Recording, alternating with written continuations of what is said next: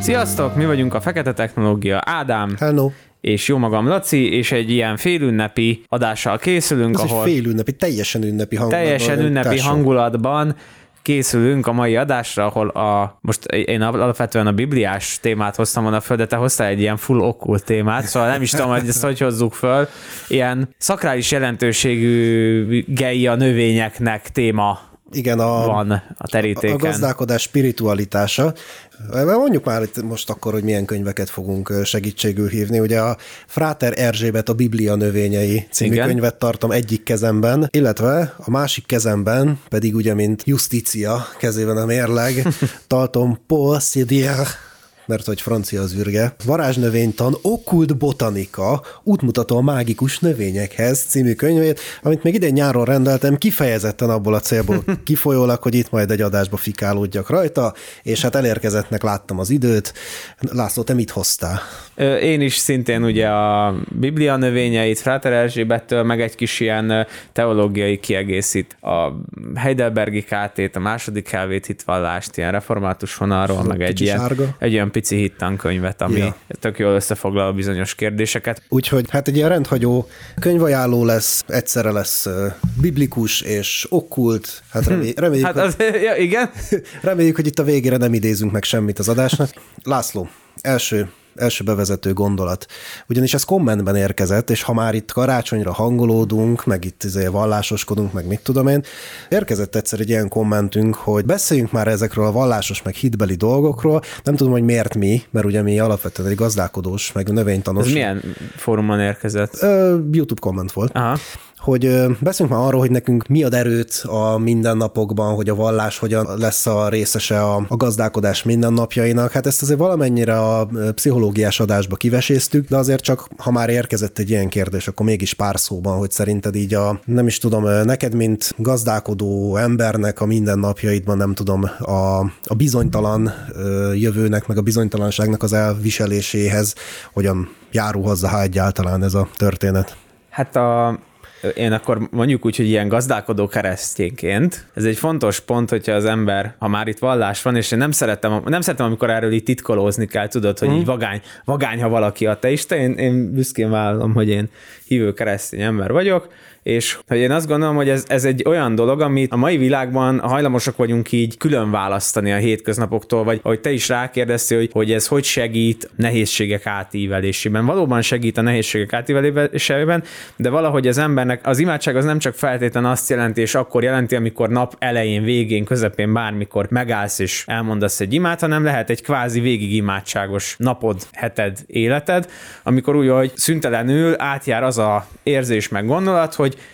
nem csak amikor problémád van, hanem amikor valami sikerül, akkor is képes vagy hálát adni, vagy egy dicsőítő gondolatra felbuzdulni. Tehát a, a nehézségeken át tud segíteni, de ez egy ilyen teljesen más mindset, mint az, hogy azért vagy vallásos, hogy átsegítsen. Hát ez az én se kicsit leegyszerűsítőnek éreztem a kérdést egyébként, mert ugye a vallásnak nem az az elsődleges funkciója, hogy a nehézségeken átsegítsen, szóval az inkább egy ilyen drive, ami fut benned, és ja. akkor az alapján mész. Nekem nehéz ez erre a kérdésre válaszolni, mert ahogy te ki tudtad jelenteni azt, hogy te már pedig hívő keresztény vagy, ez nekem annyira nem egyszerű. Én szerintem a, a legklasszikusabb értelemben vagyok agnosztikus, de nagyon olyan jó lenne hívőnek lenni. Ez egy olyan szép dolog, csak nekem ez valamiért nehezebben megy. Hát az én mindennapjaimon a antidepresszánsok meg az alkohol segít átvészelni. Ez, egy, ez egyébként ez is működik. Tudod, azt mondják, az alkoholizmus az olyan dolog, hogyha jól csinálod, azért az működik. Nem győztél még meg, de, látha az adás végére én győzlek meg téged. Na, hát akkor ezzel, A, ezzel a karácsonyi gondolattal indítsuk útjára ezt az adást, és akkor... Kezdjük talán az egyik legnehezebb növényel az én oldalamról, vagy hát a keresztény oldalról, mert a, ez a szőlő lenne, és a, a szőlő és a bor az a legtöbbet megjelenő növény a Bibliában, nem csak ugye a, az úrvacsorán, amikor Krisztus azt mondja, hogy ugye ez az ő vére, hanem rengeteg példabeszéd van, már ószövetségi történetek is vannak. Ugye ennek az a nagy jelentőség, hogy azért volt ez ilyen szinten kiemelve, mert az akkori emberek olyan szinten együtt éltek a természettel, ugye ezt a Fráter Erzsébet a könyvszerzője is mondja, hogy az volt a hétköznapi példa, tehát az volt, amivel igazán hozzájuk lehetett szólni, mert azt értették, tudod. És a, a szőlő, a gabonák, meg az oliva, tehát hogy, vagy az olaj növények, ezek voltak a, így a legnemesebbek, meg a leginkább ilyen köztudatban forgó dolgok. Hát igen, meg ugye, ha már itt mondod, hogy ezeknek a példabeszédeknek a megfogalmazása, ugye a híres uh, Kant féle tiszta kritikájában hangzik el, ugye, hogy transzcendens dolgokról, hát szükségszerűen nem lehet logikai úton beszélni, hiszen hogyha végtelent végesíteni, vagyis definiálni szeretnéd, akkor ezzel végtelen információt hanyagolsz el, mint hogy a pi sem 3,14, de hát annyival számolunk. Igen. És ahhoz, hogy működjenek ezek a dolgok, valahogy definícióktól egy kicsit mentesebben kell ezeket a dolgokat megfogalmazni, és hát erre jók a példázatok, hogy akkor úgy, mint a, és akkor az úgy talán működik. Na, szőlő. Fun fact. Történelem első alkoholistája. Na? Noé. Konkrét idézet. Ez nincs, nincs meg? Nincs. Ráközelítő jelleggel a témára, Mózes első könyve, 9. fejezet, 20. vers, Noé a földműves volt az első, aki szőlőt ültetett. Na jó, persze ebből még nem következik, hogy alkesz is volt, de, de várjál. Tehát emlékszel, a sztori ugye úgy volt, hogy amikor kikötöttek a Ararát, vagy melyik hegynél kötött ki Noének a bárkája? Akkor ő volt az első, aki szőlőt művelt, és hát gyorsan föl is találta, hogy hogyan lehet ezt megerjeszteni, és hát ott volt az a szomorú emlékezetű eset, amikor az egyik fia megtalálta őt, és hát ahelyett, hogy elfedezte volna atyának a szégyenét, szólt a tesóknak, hogy halljátok apánk, mesztelenül, mesztelenül cicerézik a barlangban, és hát akkor a, a bátyok azok így betolattak egy pokróccal, azt leterítették az öreget, és amikor az öreg magához tért, akkor erre a fiára, aki beköpte a tesóknak, erre nagyon megharagudott, és jó alaposan el is átkoztam. De a Noé volt az első, aki, aki berúgott. Hát ez nehéz lehetett, mert ugye akkoriban nem igen fogyasztottak, vagy hát nehéz volt tiszta vizet találni, és akkor az volt a bizti, hogy valamilyen alkoholos italt fogyasztanak. Jó, nyilván nem a csecsemők, tehát azért ez is egy ilyen fake news valahol, de alapvetően viszonylag sok alkoholos italt fogyasztottak. De mondjuk belegondolsz abba, hogy ugye a 40 napos esőzés után hát maradt a Noé family, és ugye a Noé egy olyan vérvonal, aki úgy, úgy, úgy, úgy kezdte a pályafutását az eső után, hogy jó alaposan becicerézett, és hát az ő gyermekei lennénk ugye mi. Hát igen. Not bad. Öregapámék is úgy nyomatták, hogy például nagypapám úgy járt ki dolgozni így a szőlőbe, meg mindenhova, hogy egy ilyen másfél-két literes fröccsel, uh-huh. ami most egy amúgy nagyon laza fröccs, szóval egy ilyen hosszú lépés, de hogy így azt ő így eliszogatta meg, az kellemes volt, és akkor ezt így próbáltam fejtegetni, hogy vajon mi lehetett az oka, hogy miért raktak egy annyi alkoholt bele. Nyilván egyrészt az íz miatt, meg szerintem egyébként lehetett ilyen fájdalomcsillapító hatása valamilyen szinten, tudod. Meg hogy ez ilyen felnőtt szörp szerintem. Igen. Tehát, hogy a, a gyerek azt a szirupos szart rakja bele, mi meg akkor a borocskát. Igen, mert amúgy azt, ha belegondolsz, akkor ma kevesen ismerik már, még a mezőgazdaságban dolgozók is, amikor nem tudom, te metszettél mondjuk nagyon sokat, hogy így, hogy van egy pont, ami után így így leszakad a kezed. Szóval, uh. hogy, hogy üt a, az olló, a teny, üti a tenyeredet, és uh. hogy amikor végig kell dolgozni napokat, akkor bizonyos fizikai fájdalmak előjönnek, hogyha sokat görnyedsz, sokat kapálsz, föltöri a tenyeret, tudod, fájni fog a térded, a talpad, éget a nap, mit tudom én, és szerintem volt valamennyi fájdalomcsillapító hatása is ennek, vagy gondolat benne. Na de hogyha vallási oldalról ugye Noé volt az első földműves és borszőlő termesztő, akkor ki volt az első, aki megmetszette a szőlőt? Hát ugye Noé, na de várja, mert van ennek egy világi megfejtése is, ezt még egyetemen tanította nekünk talán Pusztai Péter tanár úr, hogy ugye a szőlőtermesztés az elvileg nagyon régen úgy nézett ki, hogy ez a Vitis silvestris, ugye a silvestris mindig erdei valamit jelöl, ezt a Vitis silvestris termesztették, ilyen ligetes területeken korhat fákra vagy halott fákra futtatták fel a dolgot. Egyszer csak, hogy, hogy nem, oda keveredett egy kecske, hm. amely kecske alaposan visszarágta ezeket a szép lugasokat, és hát pontos történelmi feljegyzés erről nincsen, de valószínűleg az a kecske, az keményen megtorolták rajta ezt a vétséget. Ugyanakkor az ő, já, ő rágása nyomán sikerült felfedezni a meccés áldásos hatását, elvileg így indult el a szőlőmetszésnek a története. Nem tudom, mennyire urbán legendek ezek, mint a, tudod, hogy Pasteur hogy találta föl a, a bordói levet. De várj, mert azt már kaptunk egy izé, pontosítást, hogy valami Alexander, nem tudom kicsoda. Dümá. Na mindegy, az, aki föltalálta a bordói levet, hogy az is azért, mert hogy amúgy csak el akarta riasztani, azt rájött. De hát ezek szerintem ilyen fake newsok. Mert tudod miért, tudod miért gondolom, hogy amúgy egyébként ez egy jó sztori, meg amúgy lehet, hogy így is volt, hogy így visszarágta a kecske. Én, én kecske vagyok.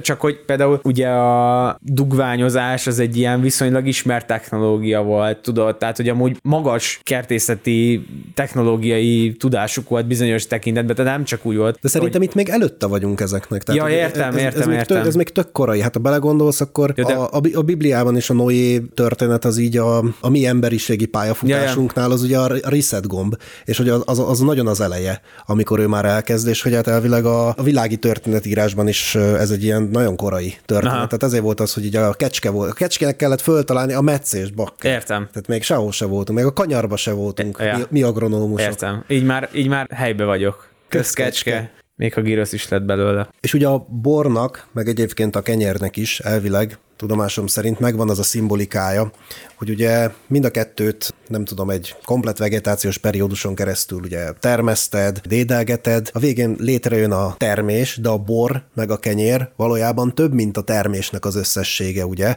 mert hogy végbe megy benne egy ilyen nemes erjedés ahhoz, hogy átmenjen, mm-hmm. és hogy ez a, ez a fajta átalakulás elvileg a valamit szimbolizál abból, hogy a vallás vagy Krisztusnak a jelenléte az így, hogy milyen hatással van az embernek az életébe, hogy egy fürtszőlő az azért nem egy bor. Tehát igen, ott, igen. Ott, ott van valami az ókori ember számára varázslat a kettő között, mire ez megtörténik, és hogy ez a, ez a kis quintessencia az, ami még kell hozzá. Hát ehhez a szépen kimunkált szimbolikához akkor hadd olvassam föl az okkult tudományt. Borszőlő elemet tulajdonságai meleg és nedves. Eddig jól hangzik. Uh-huh. Uralkodó bolygója, a Jupiter és a nap. Hogy ez mit jelent? Fogalmam sincs. Zodiákus jegye, a mérleg. Hát gondolom, ez talán azt jelképezheti, hogy csak mértékkel fogyasszuk. Na figyeld az okkult tulajdonságokat, ekkor a handabandázást régen hallottam. A borszőlő rendelkezik fájdalomcsillapító, gyulladáscsökkentő, hashajtó, lázcsillapító tulajdonságokkal. Ez, na, ezeket annyira utálom az ilyen gyógynövényes Aha. varázs, minden, hogy tudod, hogy mondom, mire jó. Igen. Szemfájdalmakra, epegörcsre, és akkor így felsorol 25 egymástól teljesen független dolgot, ami lehet, hogy igaz, de lehet, hogy az volt, hogy valakinek éppen ké- egyszer segített. Hát meg azért lázra jó alaposan beborozni, azért az se hangzik nekem Hát jól. igen. Levelének nedve gyógyítja a vérhasat, elállítja a vérzéseket és csillapítja a hányást. Tehát képzeld el, hogy hánysz. Mm, és igen. most akkor meg kéne... Aktuális volt, igen. és akkor most meg kéne enned egy tál szőlőlevelet. Ja. Szerintem hánynál. Szerintem is. Nem biztos, lenne hozzá gusztusom. Igen. Meg hogy így, na mindegy, igen. Igen, folytasd kérlek. A magjai pörkölve összezúzva és borogatás formájában helyileg a gyomorra kenve szintén ismert gyógymódja a vérhasnak. Ez a gyomorra kenve kívülről szerintem az merész. Igen.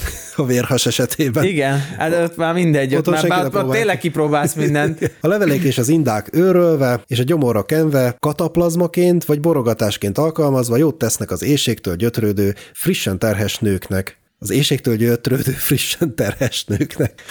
Hát ez elég specifikus felhasználásnak tűnik nekem. Az éjségtől gyötrődő, frissen terhes nő. Igen. De hogy akkor nem, ezt külsőleg kell használni olyankor? Igen, borogatásként. Igen. Nem lesz, nem lesz tőle éhes, a, de csak a frissen terhes nő nem lesz tőle éhes. A frissen terhes? Mennyire, mennyi, azt nem írja, hogy mennyire kell, hogy frissen terhes legyen? Figyelj, amint kész vagy, már izé jobb, ha előre is készíted. Ja, oda készítjük a izé borogatást. De a frissen terhes nőnek az éjségét csillapítja. Igen. Milyen éjségét? Hát... Mert lehet, hogy ők most úgy gondolták, hogy nem étvágyát, hanem ha. Aha. Érted? És akkor nem is has, hanem egy picit a... Megnyugtatja. Meg. Megnyugtatja. Meg.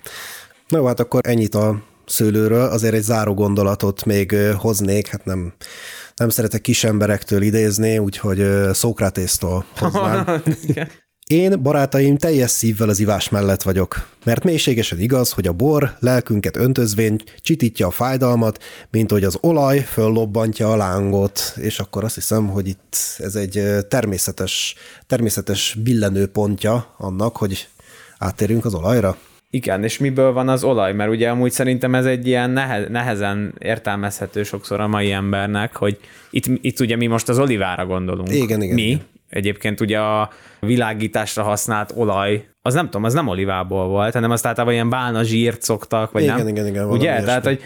hogy például a Bibliában egy csomó olyan dolog van, ami fordítási nehézség, nem is problémának mondom, hanem tudod, hogy például a, a héber nyelvben van egy általános szó a mondjuk az ilyen édes, finom gyümölcsökre, vagy bizonyos húsos gyümölcsökre, és akkor ugye például a héber az azt használja, hogy így a gyümölcs, tök mindegy. Hát, hogy így az olaj is nem mindegy feltétlenül, hogy milyen típusú olajról beszélünk. Ugye, ami egy nagyon érdekes dolog, a, figyelj, megint a fordítások, a görög Krisztus szó, a héber messiás fordítása, és ez felkentet jelent, és tudod, hogy mi volt ez a felkent dolog, hogy mi ez a felkenés? Ez valami olajos dolog, ugye a Bizony. Dá- Dávid Zsoltárban is benne van, Igen. megkenett fejemet olajjal, Igen. csordultig van poharam. Igen, három nagy jelentőségű feladatra kenték fel az embereket, a profétákat, kenték fel a papokat, meg a királyokat, és az a jelkép lényege, hogy ugye ez az olaj, ez elpecsétel Istennek, akinek engedelmeskedniük kellett, és egyben az ő gazdag áldását is kívánta a jelöltekre, hogy úgy áldjon meg Isten minden jóval, ahogyan a drága olaj most feleslegesen tékozló bőséggel lefolyik a hajadon és szakálladon. Nekem ez tökre tetszik ez a jelkép.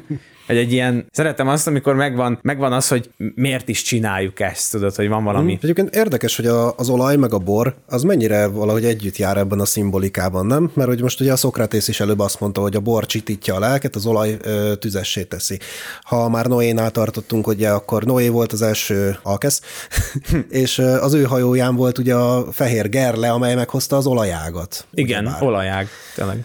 És mm, egy másik görög írta azt hiszem, hogy a hosszú élet titka kettő dolog a bor, meg az olaj, csak ő ezt úgy gondolta, hogy a bor az beviteli szándéka, és úgy tudom, hogy az olaj pedig az, hogy én nem tudom, a görögöknek ott van a tenger, de azt olvastam, hogy náluk az volt a fürdés, hogy olajjal végigkenték magukat, és utána tudod, amikor így izé dörzsölöd a kezedet, és ilyen kis Aha. bőrhámladék gilisztákat tudsz Aha. Aha. gyúrni belőlük, de hogy azt így le, le, lekaparták magukról az olajat a bőr felső rétegével. biztos együtt. volt ilyen élettani hatása, és mint ugye egyébként a bort használták, ezt ettől mereven tartózkodjanak a hallgatók, de hogy használták ilyen sebfertőtlenítésre, meg ilyesmire uh-huh. is, tehát ugye azért akkoriban nem ilyen volt az orvostudomány, mint most abból főztek, ami volt, és hát ezek. Meg ugye onnantól, ahonnan lehet olajat, tehát olívaolajat használni étkezésre, onnantól azt használják. Szóval, hogy tudod, Franciaországra mondják ezt, hogy van egy vonal, Igen. ahonnan már lehet olivát termeszteni, na onnan nem használnak vajat. Onnan fölfele vajjal főznek, uh-huh. Meg sütnek, onnan lefele meg olivával. És hogy ugye egyszer szerintem te fogalmaztad meg ezt nagyon jól, hogy gyakorlatilag minden gyógynövény, amit megeszel, Hát igen, sőt, mi- minden táplálék gyakorlatilag egy gyógyhatású táplálék, csak nem mindegyikre van ráhúzva a label. De egyébként vannak, én ugye gyógynövény szakirányos voltam, és van nekem otthon olyan könyvem, amire így minden, de olyan, hogy a, tudod, van a, mi ez, ez a Sophora japonica, ez a takonyhüvelyes növény, állandóan esik le róla, így megnyomod, és így ragad, meg nedves, ez a japán akác. igen, Japán akác. Na, hogy a japán akácnak meg ilyen egészen elképesztő ilyen izé, trash növényeknek a, a gyógynövény tulajdonságait írja le. Tehát hogy igazából minden gyógynövény, csak nem mindent érdemes használni erre célra. Egyrészt, másrészt meg nekem az nem tetszik nagyon, amikor elkezdenek, tudod, ez a igazhír.org.eu.dd.hu, Igen, igen. ezek az oldalak elkezdenek olyanokat lehozni, hogy ez az gyógynövény olyan gyógynövény hatású, hogy megbolondulsz, ilyen uh-huh. Ö, okkult növény varázsló könyv pont. Felfedték a fogyás titkát. Igen, igen, az internetre való A át dietetikusok nem akarják, hogy ez kiderüljön. emelése pontosan nagyon jókat idézve. és Kurkuma kapszula. igen, kurkuma kapszula, meg amikor bejönnek, hogy a, a goji bogyó, egy időben állunk, nagyon keresték a goji bogyót. Most elmondom neked, hogy egyszer valahogy így mellé raktam egy goji bogyónak, a varázs bogyónak a, uh-huh. ö, mit tudom én miért, így kb. egy megynek, és akkor így a megy így agyonveri, csak ugye azt itthon kaphatod, és nem hangzik jól. Igen. Tehát, hogy ha most így beversz egy marék megyet nyáron, amikor az terem is itthon a kertedbe, úgyhogy még esetleg kicsit kukacos, és akkor mondjuk bio és rock and roll, akkor így amúgy 25-ször többet tettél az egészségedért, meg a saját kertedért, vagy a magyar gazdaságért, mint hogy ide importáltattad a nyomorult Golcsi bogyódat. De várj, mert a goji bogyó, én úgy tudom, hogy goji, egyébként dupla átverés. Mert Igen? egy, egyrészt ugye a goji bogyó, hát oké, okay, goji bogyó, de A másik átverés benne az, hogy ez egyébként az a izé, szemét gaz, amit ki, tépkedsz ki, ez az ördög cérna. Aha, na Ez, az az. ez annak a termése, igen. Ja, adom. De azért hozast Kínából. Igen. Na, szóval hogy én ezeket nem szeretem, mert, mert ja, ne használjuk már marketing célra ezeket a varázslásokat. Legyen igazi varázslás. ja, hát ugye mi másra is használhatnánk. Hazai vizekre irányítom ennek az adásnak a duzzadó vitorlájú csajkáját, és a csipkebogyó irányába szeretném elvinni a kérdést, mert ez nekem mióta csipkel foglalkozom, ez mindig érdekes volt, hogy hát ugye az égő, de el nem égő csipkebokor, ugye, ami, amivel Mózes lenyomott egy tracspartit, hm és hogy nekem mindig az volt a, az érdekes, hogy miért épp a csipke bokor, mert én azt gondoltam volna, hogy hát ennek biztos, hogy van valami szimbolikája, miért épp a csipke bokor. Utána néztem a csipke bokornak a szimbolikájának, és azt írták, hogy hát ilyen mindenféle szelítség, meg Aha. ilyesmi, amit nem értek, mert a csipke bokornak meglehetősen nagy rózsaszín virágjai vannak, szúr, mint az állat, és utána pedig hoz vérvörös hüvelykújpercnyi terméseket, hogy ez nem tudom milyen irányba szelítség, és hát a döbbenet erejével sújtott le rám, azt hittem magamra rántom a boilert, amikor olvastam, hogy hát ez egy, ez egy fordítási, ez egy fordítási hiba. malőr, vagy hát, egy, hát hogy mondjam, hát nem malőr, megoldás. hanem ugye, hát igen, igen. Ez egy, amúgy szerintem ez az első biblia fordítóknak, ugye Jeromos volt az első, aki a vulgátát fordította, tehát latinra a, a bibliát, nekik ez óriási fejtörés lehetett, meg óriási probléma, amúgy Károlinak is vannak elég érdekes, meg izgalmas megoldásai, mert hogy Érted? Nem, vannak, amikre lehet, hogy nem is volt szó, vagy nem volt kifejezés, vagy tehát, hogy nyilván nem ismerték olyan szinten a, ott az arab térségnek uh-huh. a mhm. botanikáját, hát most mit írjon, tudod? Na jó, de hát akkor honnan tudta, hogy mi az? Tehát érted, hogy így látsz leír vagy növénynevet, nem is tudom, hogyha egy országodban nem létező növénynek a nevét látnád leírva, idegen nyelven, akkor te rájönnél, hogy ez egy növény. Tehát valahogy az összerakta. Valahogy a... igazad van, persze. Jó, hát ez valami, valami növény lesz itt, de hogy így hogyan. És hát, hát nem csipkebokor, hanem sivatagi sóska, vagy Arab rózsa. Arab rózsa, hát ilyen, ilyen dolgok kerülnek elő, úgyhogy hát én nem is tudom, hogy erre érdemes még szót vesztegetni, ez egy hatalmas csalódás, hatalmas csalódás ez a Biblia. Na, ilyet nem mondunk. A, ami szerintem nagyon érdekes a Bibliában az, hogyha azt nézed meg, hogy annak a növénynek adott kontextusában van-e éppen jelentősége, tudod? Itt egyébként annyiból lehet, hogyha ez mondjuk a nagyon nemes arab rózsa, vagy tehát érted, hogyha ez egy nemes növény, akkor lehet, hogy van jelentősége, mert például ugye a tiltott gyümölcsnél lényegtelen, hogy az most füge volt, vagy alma, uh-huh. de hogy szerintem kontextusába kell ö, kezelni, vagy a mustármag, ugye, uh-huh. az is egy klasszikus, ugye a, a mustármag nagyon pici, és ott a Szentföldön vannak olyan talajok, ahol nagyon jól érzi magát, és szinte ilyen faméretűvé nő, tehát hogy gondolj bele, hogy abból a pici magból egy vegetációs időn belül Igen. lesz egy ilyen két méteres növény, tehát hogy ott a hasonlat szempontjából nagyon fontos az, hogy az mustármag legyen az a mustármag. Ja, mert hogy van mustármagos hasonlat a Bibliában, vagy? Hát i- i- persze ugye van az a, a, ha csak akkor a hitetek lenne, mint a mustármag, uh-huh. akkor hegyeket mozgatnátok, azt hiszem valahogy így van, illetve a, Jézusnak van egy olyan példázata, ez Márk evangéliumának negyedik fejezetének 30.-32. verséig. Mihez hasonlítsuk az Isten országát, vagy milyen példázatba foglaljuk? Olyan, mint a mustármag, mikor elvetik a földbe kisebb minden magnál a földön, miután pedig elvetették, megnő, és nagyobb lesz minden veteménynél, és olyan nagy ágakat hajt, hogy árnyékában fészket rakhatnak az égi madarak. Ez az egyik például. Ez is olyan, hogy ezt így Magyarországon ezt így azért nehéz egy kicsit értelmezni, mert most érted mustármag, jó, jó, kicsi, aztán lesz belőle belőle egy ilyen izé, derékigérő valami, és hogy hát, jó, hát Igen. nagyra nőtt, de hát azért... azért nem raknak fészket a madarak, de ja. Várj, még a vadrózsához visszacsatolnék, ugyanis ennek ugye az a latin neve, hogy róza canina. És ugye, hogyha a, a, a Bibliában lévő csipke rózsa nem váltotta be a hozzáfűzött reményeket, hát mondom, akkor talán majd itt az okkult könyv. Az ez, sem. Hát az sem, mert ugye róza canina, ez a kan, canin rész, ugye canus domesticus talán azt hiszem a kutya. Canis és hogy hát ez a, ez a kutya rózsa, és ezt elég sok európai nyelven hordozza egyébként, tehát németül is hundróze, angolok is használják a dog rose kifejezést rá, és hát az onnan ered, bocsánat, haladjunk szépen sorba, elemi tulajdonsága hideg és száraz, ez azért már szarabbú hangzik. Igen. Uralkodó bolygója, Fú, Ádám ilyen kélyes örömmel nyalogatja ilyenkor a bajszát, amikor kikeresi, mert ugyanis itt a bolygók ilyen jelekkel vannak, ő meg így ki meg kell nézni, hogy mit jelent a jel, mert nem tudták odaírni, hogy az Osiris, vagy a nem Merkur, tudom, Merkur, Merkur, a Az Merkur. uralkodó jele. Igen, igen, kis piktogramokkal van, és ezt mindig az elején ki kell ö, bogarászni. Tőle ezt tudod okkult. Így ilyen foglalkoztató füzet. Foglalkoztató füzet. Oké, okay, zodiákus jegye, egy te, szűz. No, Oké, okay, De ezeknek mi értelme van? Mit Ezek- tudom Ja, én. azt, hittem, azt hittem azért mond, olvasott fel így, hogy ez majd így rátérünk, hogy ez fontos. Hát nyilván fontos, mert le van írva. Értem? De figyelj, én nem varázslok, nem tudom. Értem. Hát ha rutinos varázsló lennék, akkor biztos azt mondanám, Amúgy- Jó, persze, hát a szűzjegyében a Merkur, most, hát most jó. itt röhögsz, meg aztán azt beszéljük, hogy nincs is jelentősége, de figyelj már, hát le, mi van akkor, hogyha a, a biodinamikusban nem csak a hold állást figyelik, hanem hogy mondjuk hoppá, izé, csipkével fogok permetezni, és akkor Merkur legyen fönn, mert az a bolygója. Hmm. Kened, hogy olyan állásba legyen, hogy Hát ez a spirituális agrártudományokat egy egészen új szintre vinné. Én tényleg meghívnák egyszer egy deméterest. Na figyelj, okkult tulajdonságai. A vadrózsa vagy kutyarózsa és bogyói hashajtó, sebösszehúzó, szélhajtó, vizelethajtó és tonizáló tulajdonságokkal rendelkeznek. Meghajt, mint zinger a varrógépet. De amúgy ez is hashajtó, nem? Tehát már mi? előtte is olvastál valami hashajtót. De minden, tehát mind, minden ugyanazt csinálja, de de azért arra is csak úgy figyelmezünk egy kicsit, hogy a varázsnövénytan gyakorlatilag leszámítva itt az odiákus jegyeket, meg az uralkodó bolygókat egy eléggé alacsony minőségen megír gyógynövénykönyv. Igen. Mit, mit mire használ. Na, várja, azt mondja, az ókorban főzetét veszett kutyák harapásainak kezelésére használták, ezért az ókori görög, fú, ez nem, nem tudok görögül, de mindegy, innen ered a neve, hogy ugye kutyarózsa.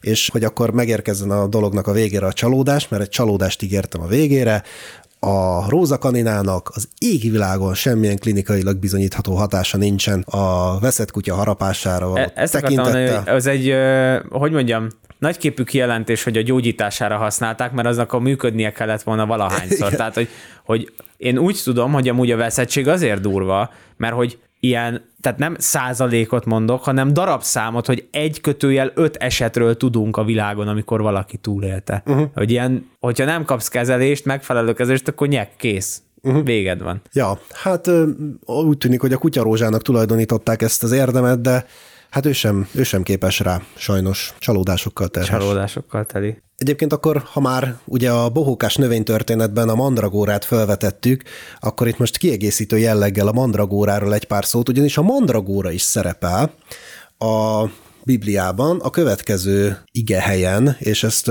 felolvasom egy az egybe, mert ennek nagyon komoly popkulturális jelentősége lesz. Figyelj! Egyszer Ruben búzaaratáskor kint járt a mezőn, mandragórát talált, és elvitte anyjának, Leának. Ráhel azt mondta Leának, adj nekem a fiad mandragórájából. De ő azt felelte neki, nem elég neked, hogy elveszed a férjemet, még a fia mandragóját is el akarod venni. Ráhel azt mondta, veled hálhat éjszaka a fiad mandragójájára. Veled hálhat éjszaka a fiad... Kibasz meg. Veled hálhat éjszaka a fiad mandragójájáért. Amikor este megjött Jákob a mezőről, Lea eléje ment, és azt mondta, hozzám gyere be, mert bértbe vettelek a fiam mandragóráján, és Jákob vele hát azon az éjszakán. Na most, hogy, hogyha itt megfigyeljük ezt a dolgot, akkor itt egy furcsa kis édes hármasról van szó, Igen. vagy szerelmi háromszögről. Na, és meg ez a dolog, ez a szolgálólány meséjének az alapja. Tényleg? Tehát, hogy ez arról, sz- ebből lett kidolgozva, Aha. Hogy a, azt hiszem, hogy a felesége a Terméketlen? Jákobnak Aha. terméketlen volt, és ezért a Leával kellett hálnia, és hogy ezek a Leák a szolgáló lányok a szolgáló lány meséjében. Te figyelj már, és amúgy te ugye ott azt mondtad, hogy a akasztófa, Igen. és hogy ahova hullonnan a mag, hogy ennek is van valami ilyen, nem lehet, hogy ez is valami ilyen bibliai ered, tehát hogy erre vonatkoztatják azt a sztorit is, hogy termékenység, meg a ja. magelhullás, Hát a, meg nem tudom. a Bibliában inkább az afrodiziáló hatását emelik ki itt a Fráter Erzsébet könyv. Szerintem ez a akasztott emberes dolog, ez egyébként, Azt ez, nem, ez de- fúpogány.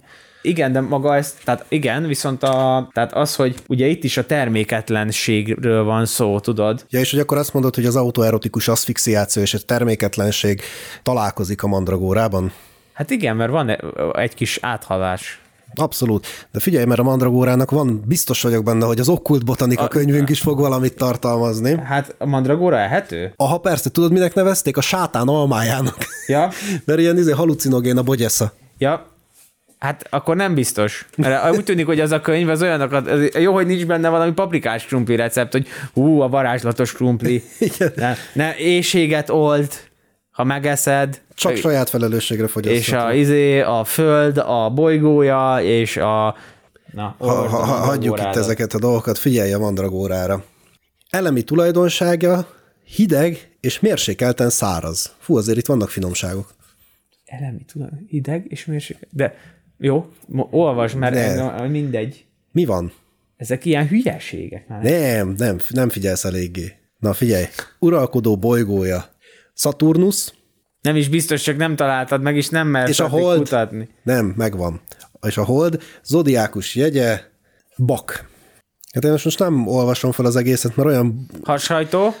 De olyan technoblabla van itt, figyelj, tehát ilyenek vannak, hogy a gyökér rendkívül erős aszt- asztrális kondenzátor és antropomorf alapvetően Értetlenül nézek, csak nem hallatszik a mikrofonban. Jó, a mandragóra a rózsakeresztesek 12 szent növényének egyike. Ö, jó, szerintem ebből ennyi elég, mert itt, itt annyi pusztító dolog hangzik el, hogy ezt most tényleg a végén még valamit megidézünk. Na és akkor a következő az egyik ilyen alap, basic dolog, a, ugye a tiltott gyümölcs, vagy a jó és a rossz fájának gyümölcse, amit amúgy Milton miatt gondolunk almának. Milton Friedman? Nem, John Milton volt? Nem tudom, Zero. Milton Friedman egy közgazdász. Az elveszett paradicsomos Milton.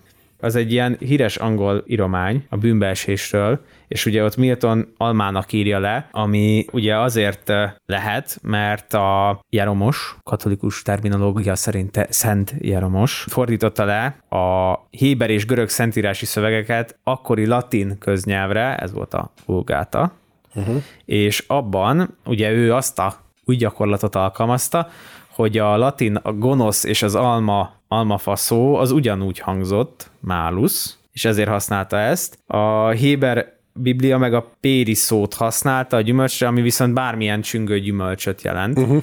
Amúgy ugye mivel, hogy ilyen fügefa levéllel takarták el magukat, Ádám és Éva utána, ezért amúgy alapvetően, alapvetően fügére gondoltak, igen, de az alma az semmiképpen nem jött szóba egyébként, mert ott a térségbe az almát azt nem igazán tartották sokra, mert nem a mai nemes almára uh-huh. kell gondolni, nem tudod, ilyen kis görcs savanyú pici almára, úgyhogy inkább ilyen, ami ott ilyen nemes almának számított, ilyen gránát, alma, füge, még egyébként a szőlő is szóba jött, úgy tudom, de hogy, és ez az, amit mondtam az, az adásban már, hogy igazából ilyen ebben a részben lényegtelen, hogy mi volt a konkrét gyümölcs. De hogy nincs ebben valami irónia, hogy nem tudjuk, hogy mi volt a tudás fájának a Ja, igen, hogy ja, legalább ezt megjegyezhették volna. hát igen. Ja. Ha, hát ha valamit, akkor ezt illene tudni. Hát nem tudom, én egyébként nagyon handicapes vagyok ebből a szempontból. Nekem egész gyerekkor, nekem valamilyen fájóan későn esett le, hogy ez a bizonyos tudás almája, az nem a dudás almája, ugyanis én még most is, hogyha erről van szó, nekem egy alma, meg egy trombita a fejemben így, így felvillan. Tényleg? Mert hogy ezek igen, mert nekem valahogy gyerekként nem esett le, hogy itt a tudás fájáról van szó, hanem én azt hiszem, hogy a dudás fájáról. De érdekes. Na jó, de hát figyelj, nekem gimnáziumban az etika tanárom egy meggyőződéses örmény származású sztálinista volt. Tehát voltak nálam ilyen handicapek, nem, nem kell tőle tartani. Na jó, Figyelj, beszéljünk komoly dolgokról. Na, nyitod a borzasztó könyvedet? Nyitom, nyitom a okult irodalmat. Az vadalma elemi tulajdonsága hideg és mérsékelten száraz. Hoppá! Látod? Épp úgy, mint a csipkebogyó, érted ezt az összefüggést? Igen, kíváncsi vagyok, mi lesz a bolygója.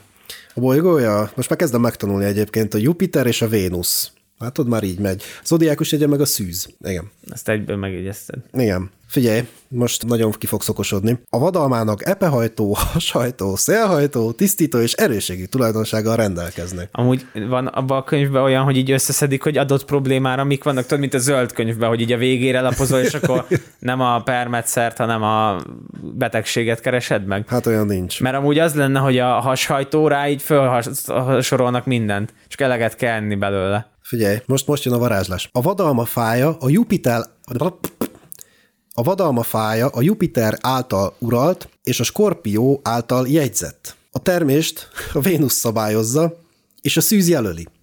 Mi az, hogy jelöli?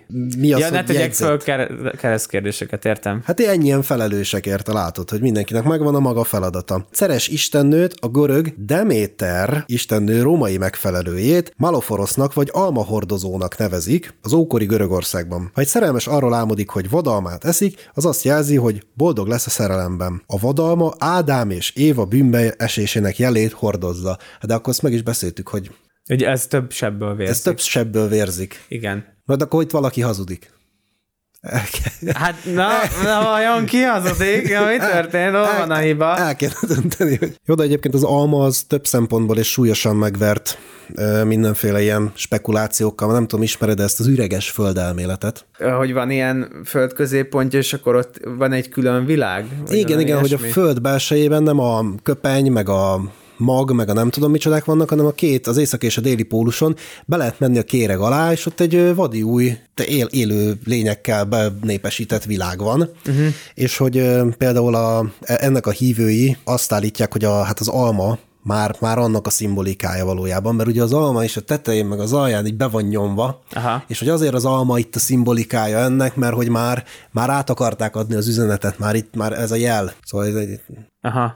Egy okult morze jel, És akkor neked... létrehoztak egy gyümölcsöt valakik, hogy majd ezzel kikacsintunk, tudod, hogy biztos Tényleg. rájönnek. Hát, hát ez- miért? Hát ezért am- annyira szürreális növény, annyira, hát érted? Miért lenne alma, ha nem ezt próbálnánk megmutatni vele? Hát azért választották az almát, mert hogy ezen lehet megmutatni, hogy egyébként a két végén ott ugye van egy besz, beszűrődés, és hogy ott kell, ott kell bemenni, és ugye az alma belsejében is ott van a tok, mm. szóval... Fú, szóval én nem akarom tudni, hogy ezek mit gondolnak mondjuk egy szőlőről.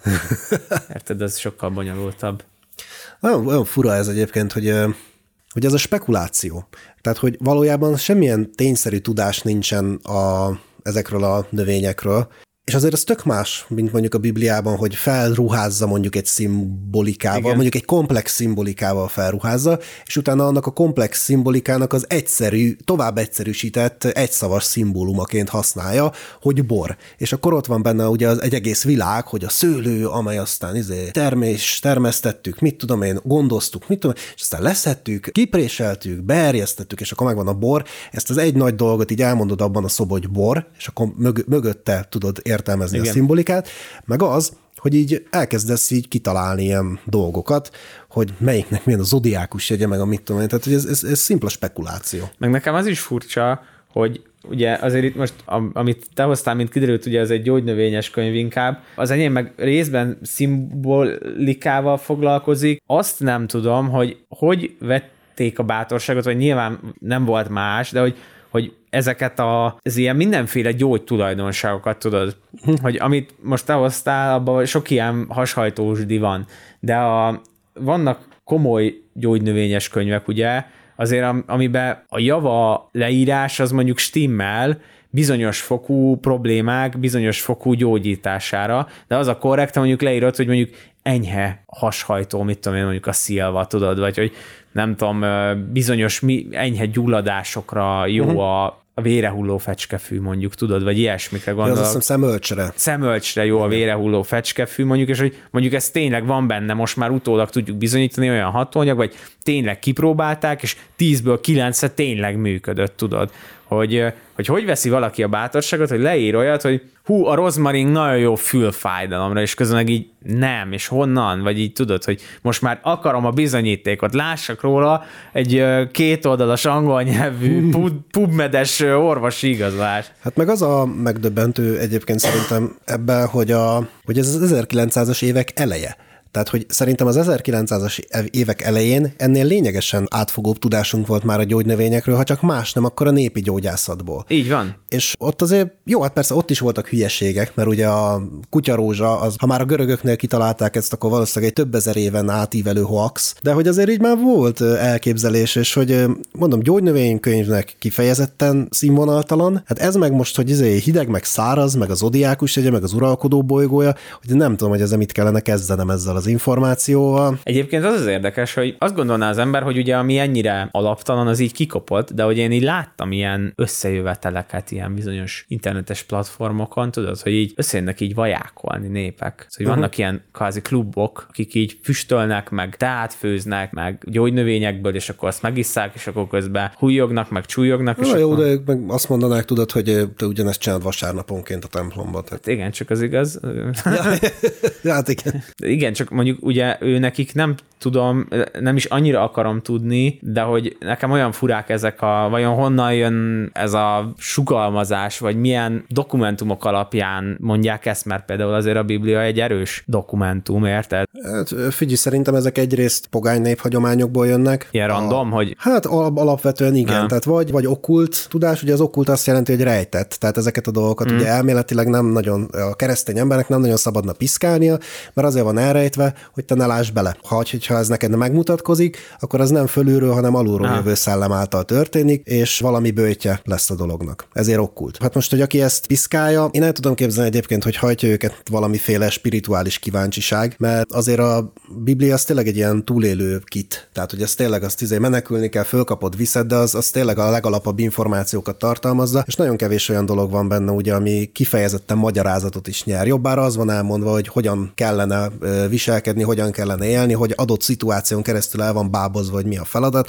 A magyarázatok nem nagyon vannak benne. A magyarázatra meg szerintem a modern embernek, vagy akár csak az 1900-as évek elejé modern embernek, hát azért volt egy igénye. Sőt, egyébként az ős, vagy ősi, hát mit tudom, egy ókori embernek is volt rá igénye, mert ugye a, amennyire én tudom, am, ami a kereszténységnek a keresztény misztika, az nagyjából a zsidóságnak a kabala, Aha. az nagyjából az iszlámnak a szufi. Ami arról szól, hogy a misztika, hogy az adott, nem tudom, parancsnak például mi lehet a, a jelentősége. Például mi értelme van annak, hogy a sertést hús nem lehet megenni. És akkor arra például van azt hiszem egy ilyen misztikus magyarázat, hogy a, hogy a sertés az egy mindenevő, épp úgy, mint az ember, ugyanakkor a lábnyomát, hogyha követed, akkor páros újú patásnak gondolod, mm. ami meg egy növényevő. Tehát a, az a balkéz útjára vezet téged, ha mm. követed az ő nyomát, mert egy emberhez hasonlatos dolgot fogsz találni a nyomoknak a végén, és nem egy jószághoz hasonlatos dolgot, amit, amit megehetsz. Például, tehát hogy a, a misztika is valamiféle spekuláció, na és szerintem az erre való igény tulajdonképpen az, az ilyen okult spekulálás. Aha, ez egy jó levezetés, én ezt elfogadom. Na jó, hát akkor ez volt a mi kis évzáró karácsonyi adásunk, pont annyira volt csapongó hm. és összeszedetlen, mint amennyire az évvégi hajtás ezt most megengedte. Egyébként ráadásul másodjára futottunk neki ennek az adásnak. Természetesen az összes vendégünk lemondta a, az alkalmat ugye az évvégi hajtás miatt, úgyhogy ez egy ilyen mentő ötlet volt, hogy hát ez valamit, valamit már csak-csak, és hát régóta akartunk erről beszélni, de azért ígérjük, hogy jövőre több szakmai adás lesz, egészen komoly vendégek vannak már nekünk betárazva, úgyhogy hát köszönjük az egész éves figyelmet, és jövőre. Kellemes ünnepeket, boldog új évet, vigyázzatok magatokra. Sziasztok! Sziasztok!